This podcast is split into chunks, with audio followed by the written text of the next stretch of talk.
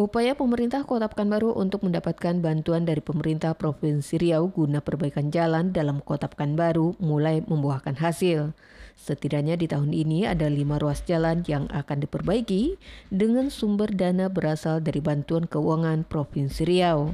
Disampaikan penjabat Sekda Pekanbaru Indra Pomi yang juga sekaligus Kepala Dinas PUPR Kota Pekanbaru, realisasi perbaikan jalan tersebut akan dilaksanakan pada tahun ini.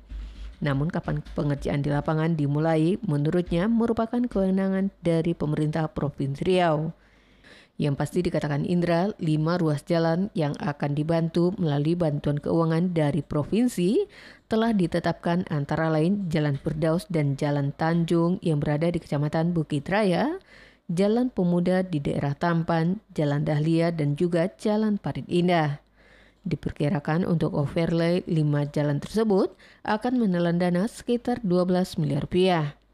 Dan khusus untuk Jalan Parit Indah yang banyak dikeluhkan oleh masyarakat, pada triwulan pertama ini overlay akan segera direalisasikan. Dibantu oleh provinsi untuk overlay jalan-jalan kita. Yang pertama itu Jalan Firdaus, Kecamatan Bukit Raya. Ya. Kemudian yang kedua ada Jalan Tanjung, Bukit Raya juga. Kemudian ada Jalan Pemuda Tampan, ya yang di Tampan nih. Itu juga uh, provinsi. Kemudian Jalan Dahlia, Dahlia yang di bekas Ipal. Kemudian ada Jalan uh, Ahmad Dahlan, ya Ahmad Dahlan.